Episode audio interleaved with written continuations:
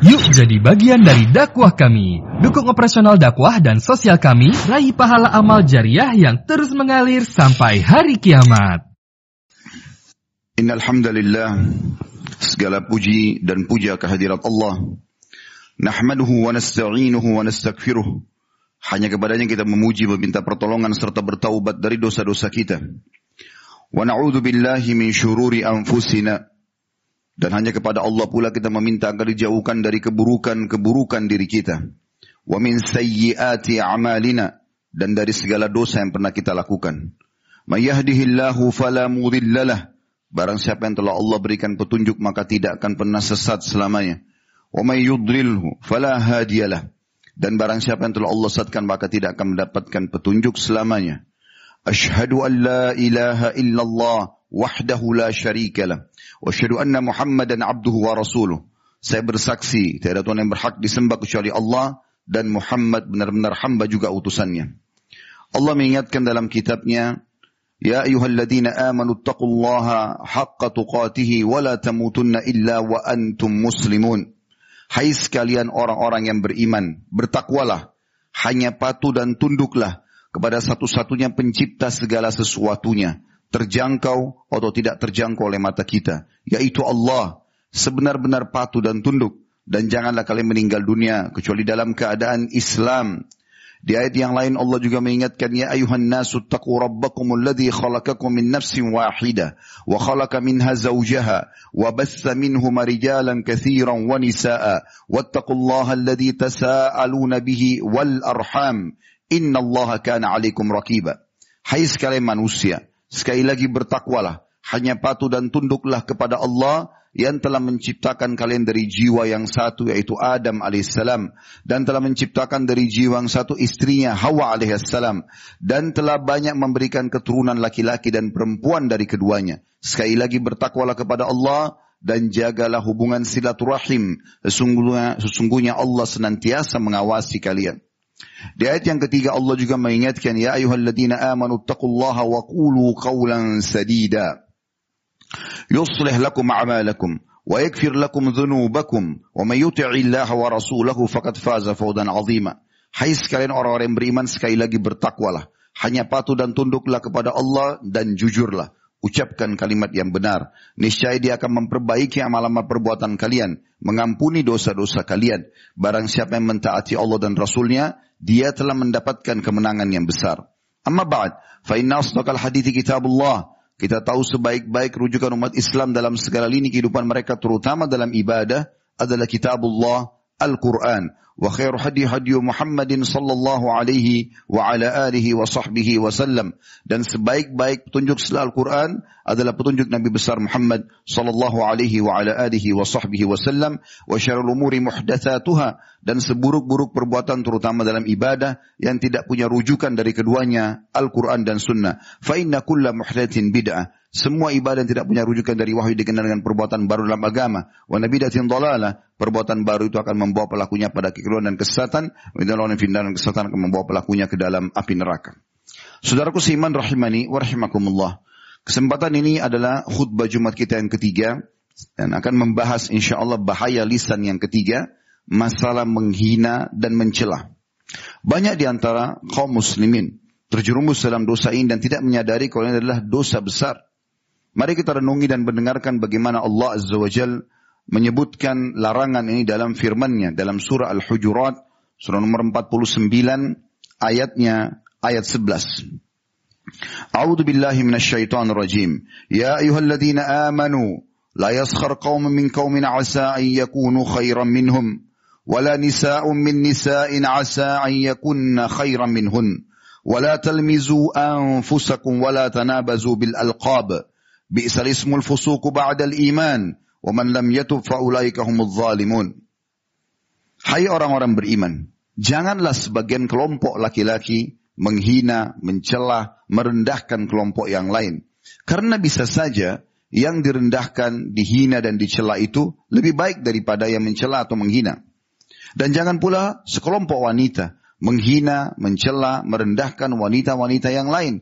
Karena bisa saja yang direndahkan lebih baik daripada yang merendahkan. Dan jangan pernah kalian menjelek-jelekkan diri kalian sendiri. Karena kita juga ciptaan Allah. Kita tidak punya hak sama sekali di fisik kita, di kulit kita, di rambut kita. Ini adalah ciptaan Allah subhanahu wa ta'ala. Tidak boleh menghina diri sendiri. Dan jangan pernah saling memanggil dengan julukan-julukan yang menjelek-jelekkan. Sesungguhnya semua itu kalau dilakukan adalah penggunaan nama-nama yang buruk membawa pada dosa, kefasikan setelah datangnya keimanan.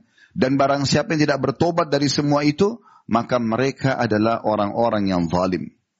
Seorang sahabat bernama Abu Jurayy radhiyallahu anhu, beliau pernah berkata kepada Nabi Shallallahu alaihi wasallam setelah syahadat, "Berilah aku wasiat." Maka kata Nabi Shallallahu alaihi wasallam, "La ahad."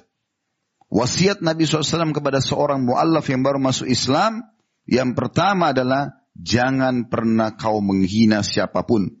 Kata Abu Jurayyi radhiyallahu anhu, setelah mendengarkan wasiat tersebut, aku tidak pernah menghina, mencela, merendahkan seorang pun, baik ia adalah seorang yang merdeka atau budak. Bahkan aku tidak pernah sama sekali menghina unta ataupun domba.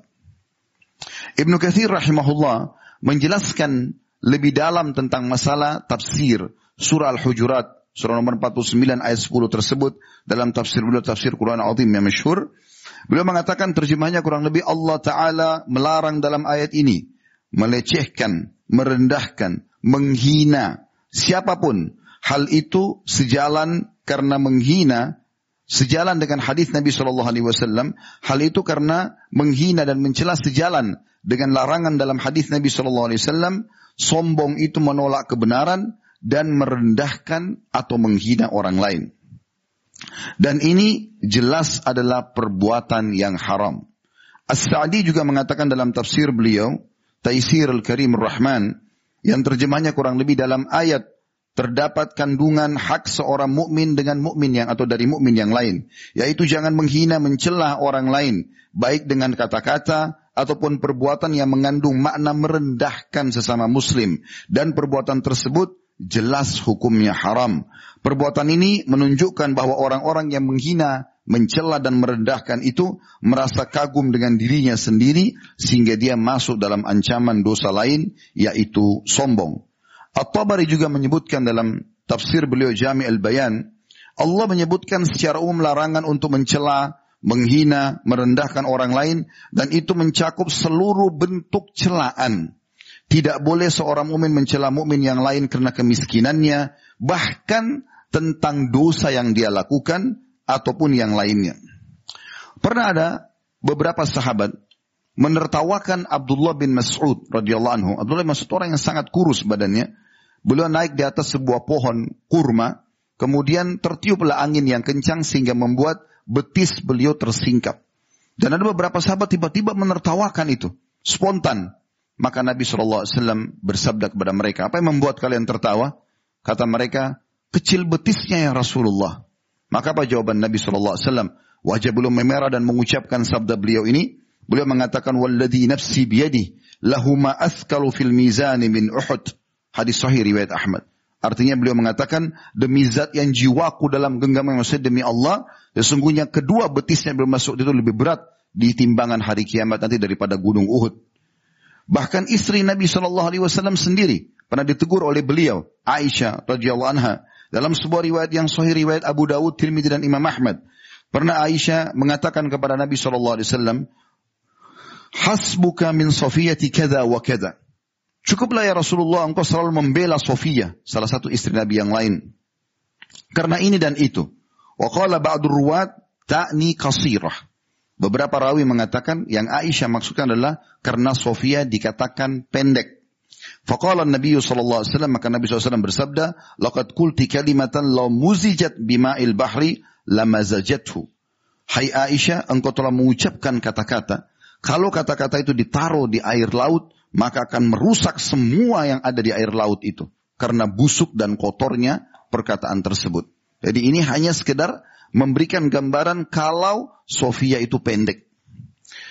Nabi SAW mengajarkan kepada kita saudara kusiman agar jangan membalas kalau ada yang menghina kita. Mencaci maki kita. Ingat, dia sedang melakukan perbuatan dosa. Kalau anda balas juga dengan itu, berarti anda juga buat dosa. Dia dihukum, dan anda juga akan dihukum. Justru seorang mukmin dianjurkan untuk tidak membalasnya dan biarkan Allah Subhanahu wa taala yang membalasnya. Dengarkan peringatan Nabi Alaihi sallallahu Wasallam dalam hadis riwayat Abu Daud dan Tirmidzi.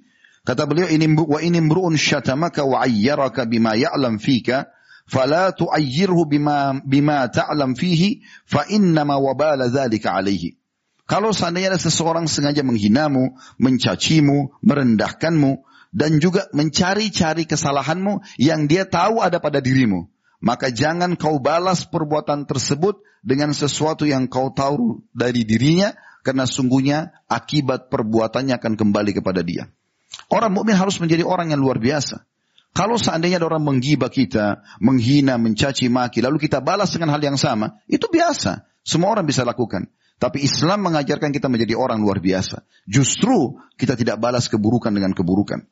Tidak tidak balas dosa dengan dosa. Karena jelas sekali kaidahnya, kalau dia berbuat dosa dia akan dihukum oleh Allah. Kalau kita balas kita pun akan mendapatkan hal yang sama. Ibnu Qayyim rahimahullah menyebutkan tentang masalah ini dalam kitab Madarikus Salikin.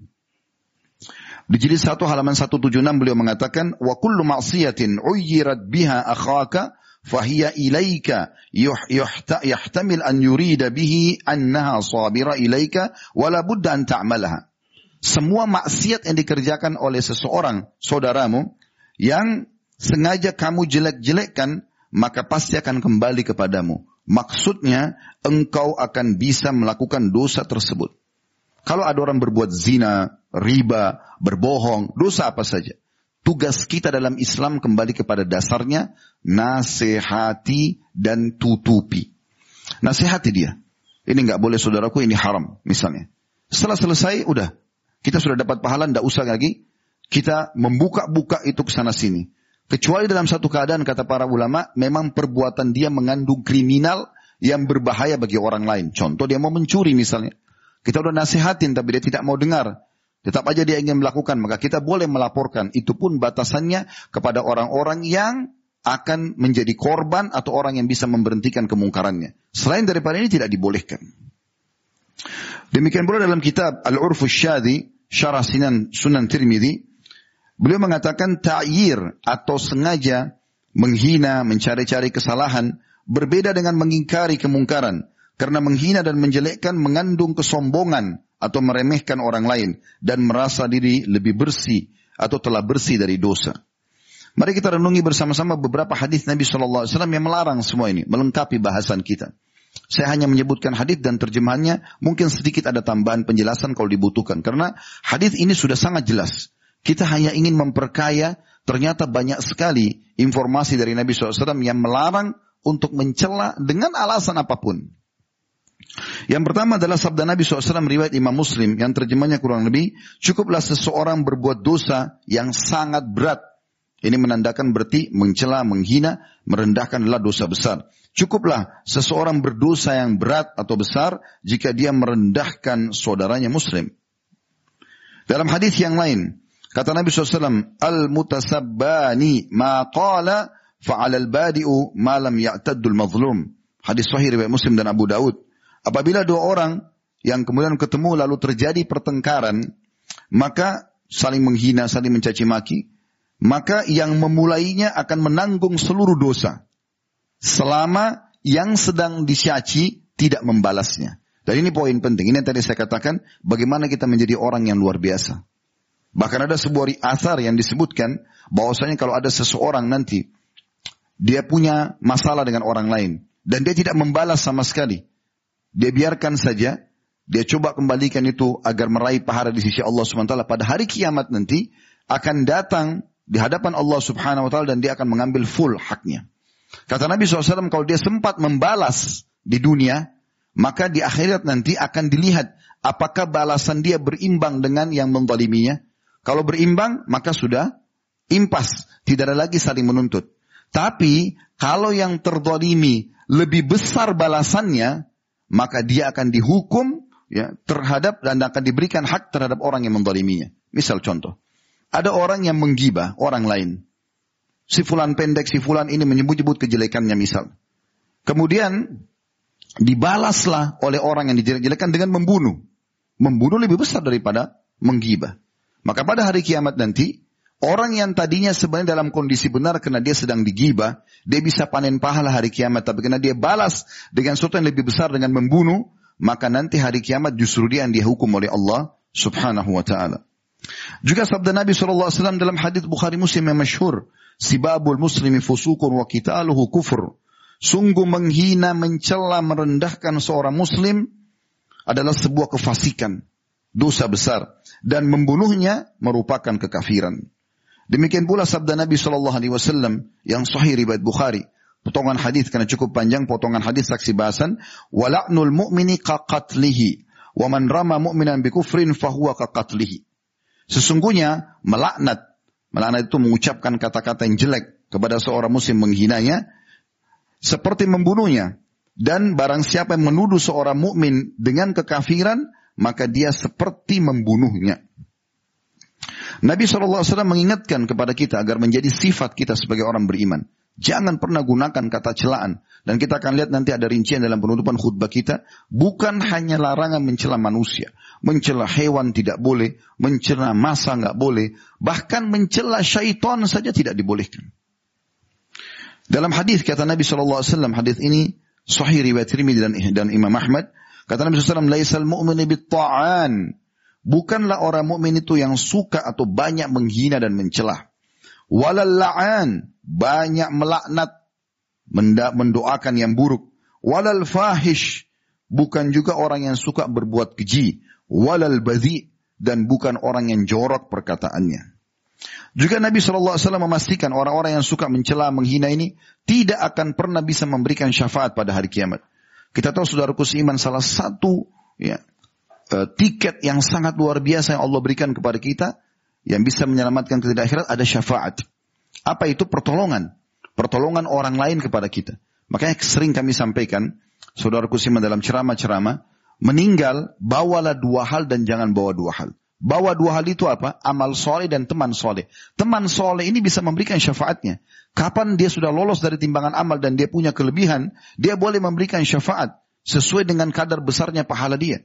Dia bisa syafaatkan satu orang, dua orang, tujuh orang, sepuluh orang. Bahkan kata Nabi SAW ada di antara umatku bisa memberikan syafaat seperti jumlah suku mudar. Suku yang sangat besar di suku Arab. Ratusan ribu jumlah orang itu itu dia bisa memberikan karena banyaknya amal soleh dia. Jadi kita berteman seperti ini, orang-orang soleh. Dan jangan bawa dua hal. Jangan bawa dosa dan jangan bawa musuh. Sibuk selalu mencari kesalahan orang lain. Maka jadi musuh dia. Dan ini berbahaya. Ini berbahaya sekali. Kata Nabi SAW, La yakunul la'anuna syufa'a wala syuhada yaumal qiyamah. Hadis sahih riwayat Imam Muslim. Orang yang suka melaknat, menghina, merendahkan, menjatuhkan orang lain, maka mereka tidak akan pernah bisa memberi syafaat dan tidak akan pernah bisa jadi saksi pada hari kiamat. Makna saksi di sini, kita ini umat Muhammad sallallahu alaihi wasallam akan bersama Nabi SAW memberikan saksi kepada nabi-nabi sebelum kita. Dalam satu riwayat dikatakan nanti Nabi Nuh akan didatangkan pada hari kiamat, lalu Allah Subhanahu wa taala bertanya Hai apa kau sudah sampaikan ya apa yang aku perintahkan? Allah sudah tahu, tapi Allah sengaja tanya di pengadilannya. Kemudian Nabi Nuh mengatakan, aku sudah sampaikan ya Allah sebagaimana kau ketahui. Ditanya kaumnya, apakah kalian kenal dan Nuh sudah menyampaikan kepada kalian? Mereka serentak mengatakan yang kafir, kami tidak pernah mengenal orang ini dan tidak pernah mendengar penyampaiannya. Maka Allah subhanahu wa ta'ala mendatangkan Nabi Muhammad SAW dan umatnya tapi di sini orang-orang pilihan saja yang akan datang hari kiamat dan memberikan kesaksian benar ya Allah, engkau telah turunkan dalam Al-Qur'an surah Nuh, surah Anbiya dan kisah-kisah yang lain dalam beberapa surah lain kisah tentang Nabi Nuh kalau dia sudah menyampaikan kepada kaumnya, maka tegaklah hujah dan kaum Nabi Nuh akhirnya yang kafir dimasukkan ke dalam api neraka. Tapi ini hanya bisa diberikan kesaksian bagi orang yang tidak suka mencela. Ada hadis yang luar biasa, hadis ini perlu direnungi baik-baik. hadis ini diriwayatkan oleh Al-Hakim. Saya akan ulangi dua kali hadis ini, walaupun Anda sudah faham di pertamanya. Karena ini penting sekali. Kata Nabi SAW, alaihi wasallam, "Ar-riba thalathatun wa baban." Riba itu dosa riba, ya, transaksi riba itu ada 73 pintu, tingkatan level beratnya gitu. Apa kata Nabi SAW? Aisaruha ayyankihar rajulu ummah. Yang paling rendah dari dosa riba itu adalah seseorang menikahi ibunya sendiri. Berzina sama ibunya. Di, di bab zina, saudaraku siman, ada banyak level-levelnya. Yang paling berat berzina antara mahram. Ibu sama anak, ayah sama anak, ponakan sama tante, tante sama uh, paman sama ponakan, saudara sama saudari. Ini mahram. Ini hukumnya dirajam walaupun belum menikah. Kita tahu dalam bab nikah, eh, dalam bab eh, zina kalau orang belum menikah kemudian dia berzina, hukumnya dicambuk seratus kali dan diasingkan satu tahun. Tapi dan kalau dia sudah menikah hukumnya rajam. Tapi kalau zina antara mahram ini hukumnya dibunuh langsung. Kena beratnya. Tapi apa kata Nabi SAW? Dosa riba yang paling rendah yang paling rendah sekali itu setingkat dengan level tertingginya dosa zina seperti orang zina dengan ibunya sendiri lalu kata Nabi SAW Bapak ini bukan saksi bahasan kita setelahnya ada saksi bahasan kata Nabi SAW wa inna arbar riba irdur rajulul muslim dan ketahuilah level tertingginya dosa riba itu 73-nya yang paling berat hukumannya itu setara dengan menghina, merendahkan saudara muslim. Artinya apa? Mencela saja seorang muslim sudah cukup kita menanggung dosa seperti level tertingginya riba. 73-nya. Dan itu yang paling rendahnya saja sama dengan menzina ibu sendiri. Anda bisa bayangkan bagaimana beratnya dosa mencela dan menghina seorang muslim. Berhenti saudaraku, dari mata yang sering merendahkan orang lain, mulut yang mencibirkan orang lain, selalu dengan isyarat tangan. Untuk apa? Dia ciptaan Allah Subhanahu wa taala. Kalau Anda menghina dia berarti menghina penciptanya. Allah Subhanahu wa taala yang membuat kulitnya gelap, rambutnya keriting, badannya pendek dan seterusnya. Kenapa harus menghina? Kalau Allah berikan kepada kita satu kelebihan, syukuri dan nikmati. Tapi bukan tugas kita menghina. Ada kekurangan pada diri orang lain, sekali lagi, nasihatin, berikan masukan, dan tutupi itu. Ini penting sekali untuk digaris bawahi. Saya ulangi hadis ini. Kata Nabi SAW, riba itu 73 pintu atau level. Yang paling rendahnya seperti orang berzina dengan ibunya sendiri. Yang paling tingginya setara dengan dosa seseorang merendahkan muslim yang lain. Larangan-larangan ini berlaku bukan hanya kepada manusia tadi saya katakan, tapi berlaku juga bahkan sampai pada hewan. Terjadi dalam sebuah riwayat, riwayat Imam Muslim, bahwasanya saya langsung terjemahkan karena cukup panjang. Ada seorang ya, wanita diriwayatkan oleh Abu Barza Al-Aslami radhiyallahu anhu beliau mengatakan ketika seorang budak wanita berada di atas seekor unta tunggangan lagi jalan bersama Nabi Shallallahu alaihi wasallam dan di atas unta itu terdapat ada barang orang-orang ditipan orang-orang dan ketika unta itu melihat Nabi Shallallahu alaihi wasallam dan mereka lagi jalan terhimpit mengecil jalan itu dengan ada ada gunung di depan mereka maka tiba-tiba wanita ini ingin jalan lebih cepat dan dia mengatakan pada untanya Cepatlah hai unta, Semoga Allah melaknatmu. Dia membahasakan itu. Celakahlah kamu. Gitu. Maka Nabi SAW langsung spontan mengatakan, ketahuilah unta yang telah dilaknat tidak boleh mendampingi kami. Demikian pula teman-teman sekalian tentang ayam jantan dalam hadis riwayat Abu Daud kata Nabi SAW data subuddika fa yuki tulis salat jangan pernah menghina ayam jantan karena dia membangunkan untuk solat. Ada larangan untuk mencela masa, waktu. Kok cepat sekali sih malamnya? Kok begini siangnya? Mencela. Untuk apa? Lalui saja. Kenapa harus menjadi orang yang suka mencela? Kata Nabi SAW dalam hadis riwayat Muslim, Allah berfirman, La tasubbud dahar. Eh, Nabi SAW bersabda, Allah berfirman, Nabi SAW bersabda, La tasubbud dahar fa inna Allah wad dahar. Jangan pernah mencela masa atau waktu. Karena Allah pencipta masa dan waktu itu. Demikian juga dilarangan untuk mencela angin walaupun kencang, walaupun kita tidak suka. Kata Nabi sallallahu alaihi wasallam dalam hadis la tasubur riha fa idza ra'aytum minha ma takrahun faqulu Allahumma inna nas'aluka min khairi hadhihi rih wa min khairi ma fiha wa khairi ma ursilat bihi.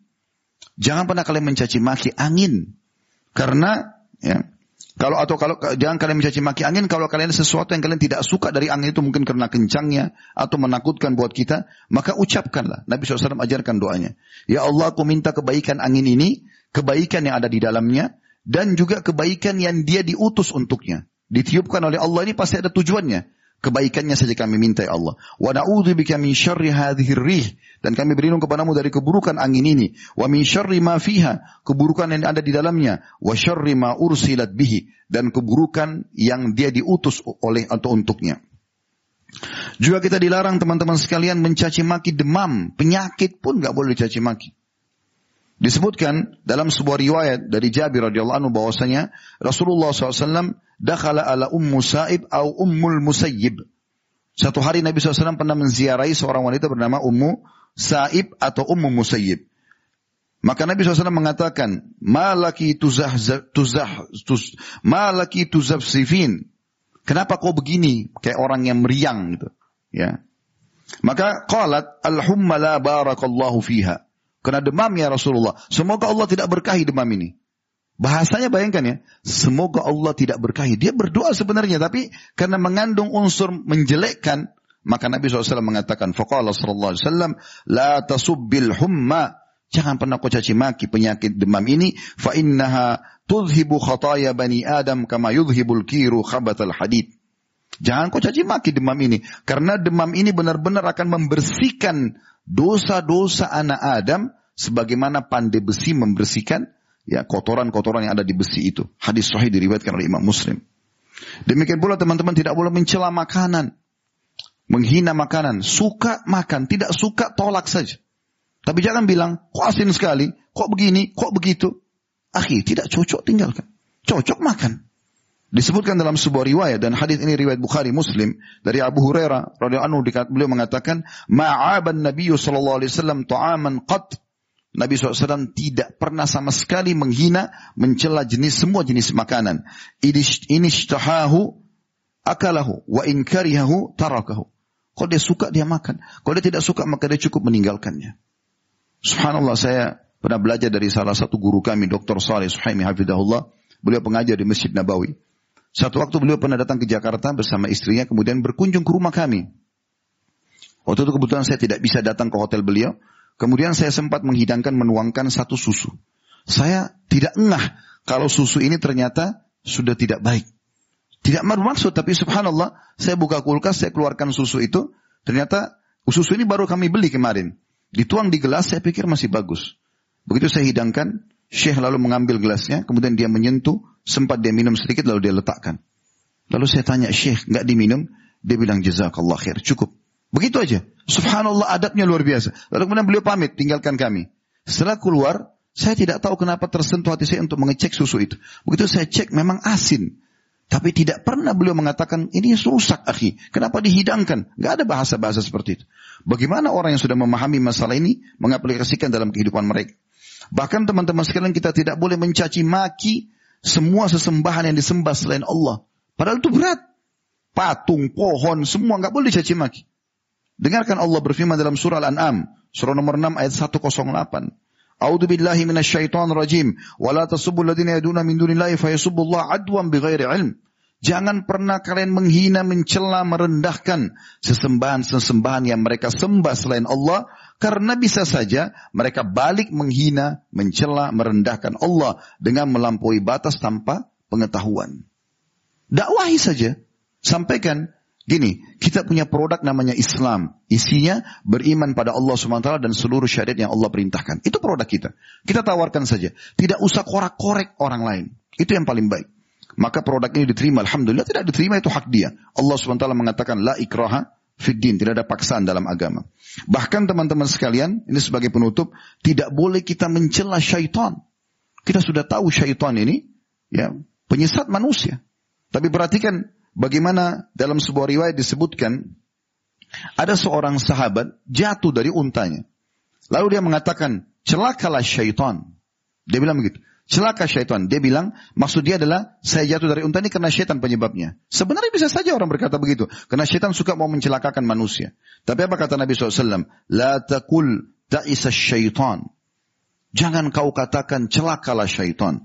Fa innaka idza qulta dzalika ta'azama hatta yakuna mithlal bait. Karena kalau kau ucapkan itu, syaitan itu membesar sampai seperti rumah besarnya. Kata Nabi SAW, wa yakul. Lalu dia berkata dengan suara yang keras, bikuwati. Dia celaka karena kekuatanku. Walakin, kul bismillah. Tapi katakan, bismillah. Dengan nama Allah. Walaupun jatuh. Walaupun ada sesuatu yang kita tidak suka, bismillah badan kita gatal, ada jatuh sesuatu, bismillah. Pungut aja kembali, selesai. Sesederhana itu kok sebenarnya. Jangan ikutkan dengan mencela. Lalu kata Nabi SAW, walakin kul bismillah. Ucapkan dengan nama Allah. Fa innaka idha kulta thalika, tasagara hatta yakuna mithla dubab. Karena kalau kalian ucapkan itu dengan bismillah, maka syaitan akan mengecil sampai dia seperti seekor lalat saja. Hadis ini riwayat Ahmad dan Abu Daud dengan sanad sahih.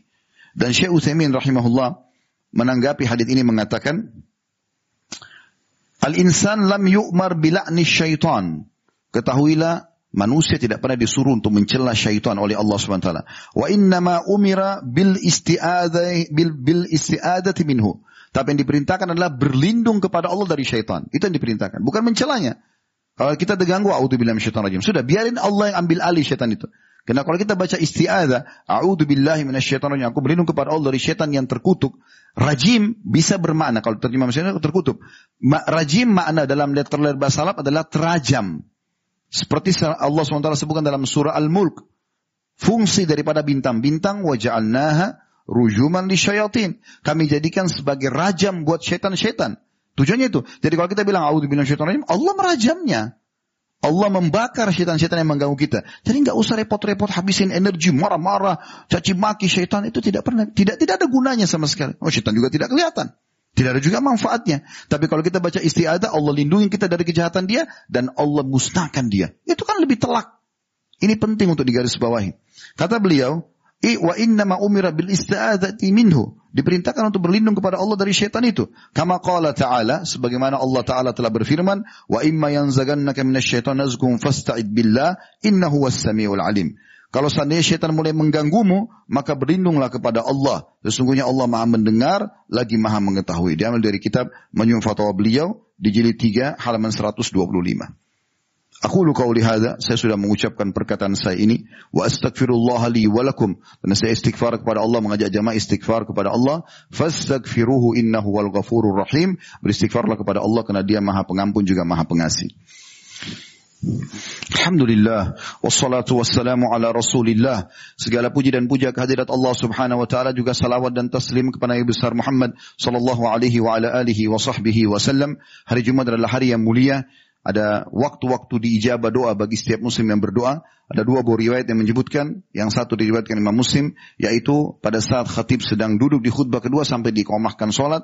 Dan ada riwayat Imam Nasai. Jumat adalah 12 waktu. Tidak ada seorang muslim berdoa di situ kecuali akan dijabah dan perbanyaklah selepas asar sampai terbenam matahari. Jadi jangan sia-siakan waktu ini kita berdoa kepada Allah Subhanahu wa taala semoga Allah ijabah doa ini. Rabbil alamin. Kami memuji ya Allah sebagaimana layak kau dipuji sebagai pencipta. Kami mujimu sampai engkau menjadikan ini sebagai tambahan amal soleh kami pada hari kiamat. Dan menjadi penyebab doa kami engkau ijabah. Dan kami mengucapkan salam hormat kami kepada utusanmu Nabi Besar Muhammad sallallahu alaihi wa ala Sebagaimana engkau perintahkan kami untuk mengucapkan salam hormat tersebut. Ya Allah kami tidak berkumpul di masjid ini. Kecuali karena ingin menjalankan salah satu dari perintah yang kau wajibkan kepada kami. Maka terimalah amal soleh ini dengan pahala yang sempurna. Serta terimalah seluruh amal soleh yang pernah kami kerjakan. Yang sedang kami kerjakan yang akan kami kerjakan sampai menjelang ajal datang nanti dengan pahala yang sempurna. Serta maafkanlah seluruh kesalahan kami ya Allah kesalahan kedua orang tua kami, seluruh kerabat kami, bahkan seluruh muslimin dan muslimat, mukminin dan mukminat yang hidup dan juga yang sudah meninggal. Ya Allah, jagalah negara kami, amankanlah, tentramkanlah, lunaskanlah seluruh utangnya, keluarkanlah seluruh rezekinya, berikanlah kami kebaikan, kemakmuran, dan berilah petunjuk para pemimpin kami agar berlaku adil dan menjalankan syariatmu. Dan ya Allah, tolonglah saudara-saudara kami yang sedang tertindas di India, di eh, Syria, di Yaman, di Irak, dimanapun mereka terada dan sedang tertindas, ikhlaskan niat mereka, terima para syuhada mereka, Muliakan Islam di tangan mereka dan tangan kami semua dan ikut sertakan kami bersama mereka di pahala baik dengan doa, dengan harta juga dengan jiwa kami. Dan ya Allah kami mohon kepadamu Rabbana atina fid dunia hasanah. Berikanlah kami semua kebaikan di dunia. Wa fil akhirati hasana. Dan semua kebaikan di akhirat. Wa kina adaban nar. Dan selamatkan kami dari api neraka. Wa adkhinnal jannata ma'al abrar. Masukkanlah kami ke dalam surga bersama orang-orang yang patuh. Ya Azizu ya Ghaffar. Wa izat yang maha dan maha pengampun. Ya Rabbal Alamin. Wahai Tuhan alam semesta. Wa sallallahu nabina Muhammadin والحمد لله رب العالمين إن الله يعمر بالأدل والإحسان Allah selalu menyuruh kita berbuat kebaikan dan keadilan.